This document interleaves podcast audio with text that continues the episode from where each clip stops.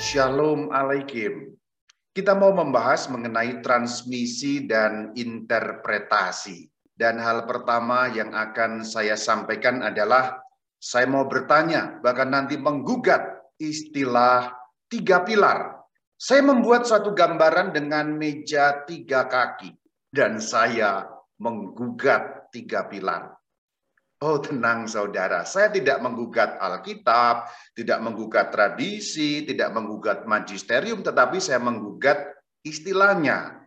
Dan saya sekaligus memperkenalkan istilah dua plus satu. Kurang lebih ringkasannya seperti ini. Kita akan uraikan nanti, tapi saya kenalkan sejenak seperti ini. Menurut KGK 82 dan 85, gereja punya dua fungsi terhadap wahyu ilahi. Yang pertama meneruskan wahyu ilahi melalui Alkitab suci dan tradisi suci. Yang kedua menjelaskan wahyu ilahi dengan magisterium gereja. Alkitab suci dan tradisi suci itu setara. Sementara magisterium tidak setara. Itulah kenapa saya menyebutnya dua plus satu. Nah, di dalam istilah bahasa Latin, KGK dalam bahasa asli yaitu bahasa Latin, meneruskan itu bunyinya transmisio. Transliterasinya transmisi tentu saja. Menjelaskan itu bunyi aslinya interpretatio atau transliterasinya interpretasi. Inilah kenapa saya memberi istilah dua plus satu. Kalau digambarkan relasinya, Tadi ini di gambar yang sekarang Anda lihat, ini fungsinya. Gereja berfungsi untuk mentransmisikan dan berfungsi untuk menginterpretasikan.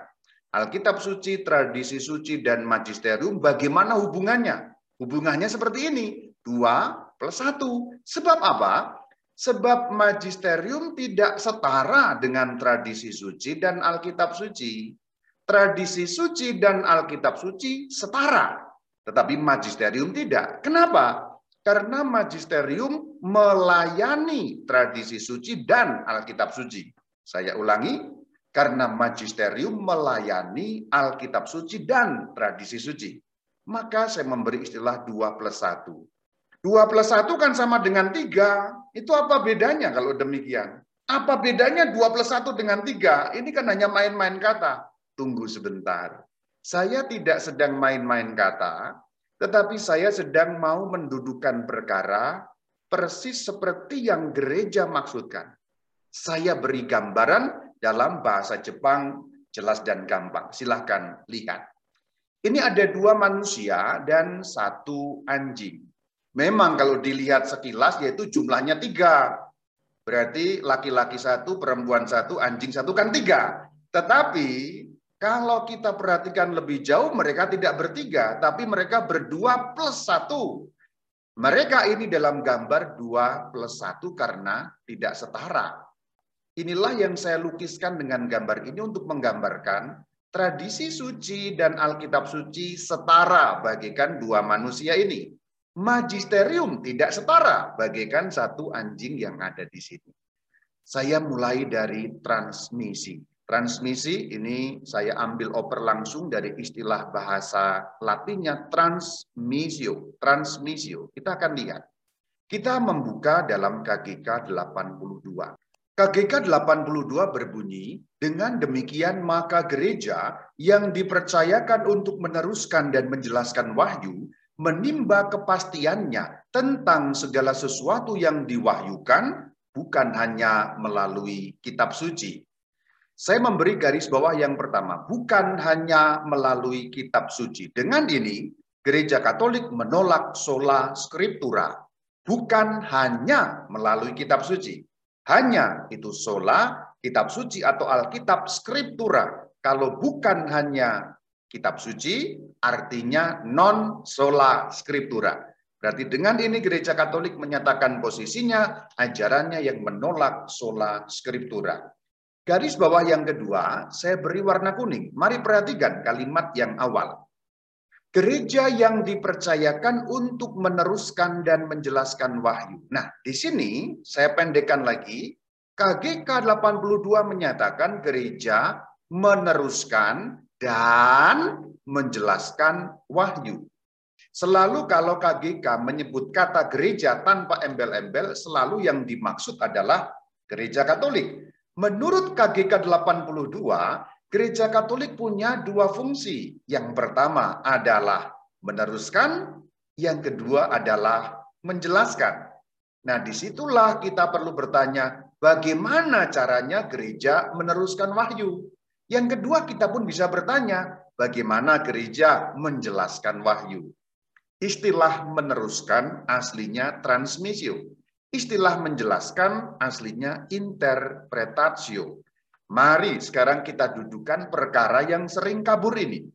Saya menjanjikan kepada saudara-saudari pendengar semuanya untuk membuat perkara ini menjadi clear. Karena apa? Karena orang Katolik kadang tidak tahu mengenai tiga hal ini. Ketika sudah tahu mengenai tiga hal ini, bingung mengenai hubungan satu dengan yang lain sehingga ketiganya menjadi kabur. Maka ketika ada istilah tiga pilar, orang mencampurkan ketiganya seakan-akan itu setara. Ketika ketiga-tiganya disebut hanya tiga begitu saja, lalu menjadi kabur. Orang bingung, mana Alkitab, mana tradisi, mana magisterium. Kalau disuruh membuat contoh, orang kebingungan juga. Saya berjanji akan membuat Anda clear jelas sekali mengenai persoalan ini. Wahyu Allah diturunkan dalam dua bentuk, tradisi suci dan Alkitab suci. Itulah yang dinamakan fungsi transmisi. Gereja menjalankan fungsi transmisi melalui tradisi dan Alkitab. Apa maksudnya? Transmisi dari kata transmisio, artinya meneruskan. Berarti gereja Katolik meneruskan wahyu ilahi dalam dua cara Meneruskan itu maksudnya apa? Tanda petik, ya memberikan mentah-mentah begitu saja. Alkitab itu seperti itu ya terus diberikan aja sudah nggak ditambah nggak dikurang seperti itulah itu artinya meneruskan.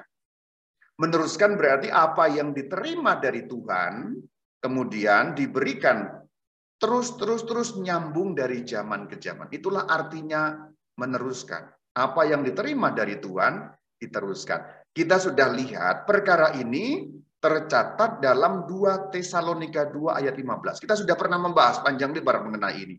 Jadi itulah cara gereja meneruskan fungsi transmisi. Dan itu jelas sekali kalau kita membuka ayatnya. Ajaran-ajaran yang kamu terima dari kami, lisan maupun tertulis. Pertanyaan selanjutnya, kenapa Rama mengatakan itu transmisi? Apakah istilah ini bisa dipertanggungjawabkan? Ini Rama membuat istilah sendiri ngarang-ngarang ya? Oh, tidak begitu Ferguso. Justru saya di awal tadi menggugat istilah tiga pilar karena mau memperkenalkan istilah yang lebih tepat sesuai dengan katekismus gereja Katolik. Saya tidak bermaksud sok pinter sendiri, saya juga tidak bermaksud menyalahkan Anda yang menggunakan istilah tiga pilar tidak, tetapi saya menggugat istilah tiga pilar karena dua alasan. Alasan pertama, istilah tiga pilar tidak tercantum dalam katekismus. Berarti gereja Katolik sendiri di dalam rumusan ajarannya tidak menggunakan istilah tiga pilar. Alasan yang kedua, istilah tiga pilar membuat rancu. Artinya apa? Artinya seakan-akan menyamakan kedudukan ketiganya sebagai setara. Tadi ingat gambaran meja dengan tiga kaki yang setara tadi. Berarti istilah tiga pilar membuat rancu, membuat bayangan orang menjadi berbeda dan bahkan cenderung menjadi kurang tepat. Bukan salah istilah itu, tetapi tidak persis menggambarkan. Kembali ke sini. Apakah Rama bisa mempertanggungjawabkan kalau istilah ini benar? Saya bisa pertanggungjawabkan. Mari kita lihat katekismus dalam bahasa aslinya. CCE 82. Ini katekismus dalam bahasa Latin. Inde sequitur ut ecclesia qui revelationis transmissio et interpretatio comise. Nah, perhatikan. Saya memberi warna kuning di sana. Di situ, saudara-saudari, terdapat istilah transmisio et interpretatio. Artinya, istilah ini justru yang disebut di dalam katekismus gereja Katolik.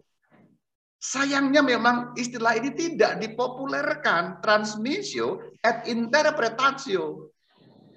Silakan lihat bahasa Inggrisnya. Kalau Inggris kurang lebih semua orang tahu lah. Anda melihat di situ transmission and interpretation. Lalu ke dalam bahasa Indonesia itulah yang diterjemahkan meneruskan. Jadi meneruskan dan menjelaskan yang tadi awal kita bahas, bunyi bahasa Latinnya transmissio et interpretatio. Berarti istilah ini dapat dipertanggungjawabkan. Kalau kita bahasa Indonesia kan secara literal berarti transmisi dan interpretasi. Nah, KGK 82 itu menggemakan ayat Alkitab. Maksudnya apa? Maksudnya adalah KGK 82 ini bukan disusun begitu saja tetapi disusun menggunakan ayat-ayat Alkitab. Salah satunya saya katakan 1 Korintus 11 23 yang telah ku teruskan kepadamu telah aku terima dari Tuhan. Perhatikan, yang telah ku teruskan kepadamu telah aku terima dari Tuhan. Rasul meneruskan wahyu kepada umat. Itulah yang dinamakan transmisio. Ada ayatnya. Mana ayatnya? 1 Korintus 11 23 ini. Ayat yang lain mana?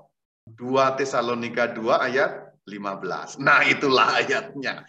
Maka istilah transmisio sangat dapat dipertanggungjawabkan. Berarti KGK 82 menggambarkan gereja Katolik punya fungsi transmisi, artinya meneruskan wahyu dalam dua bentuk, yaitu tertulis dan lisan, Alkitab suci dan tradisi suci.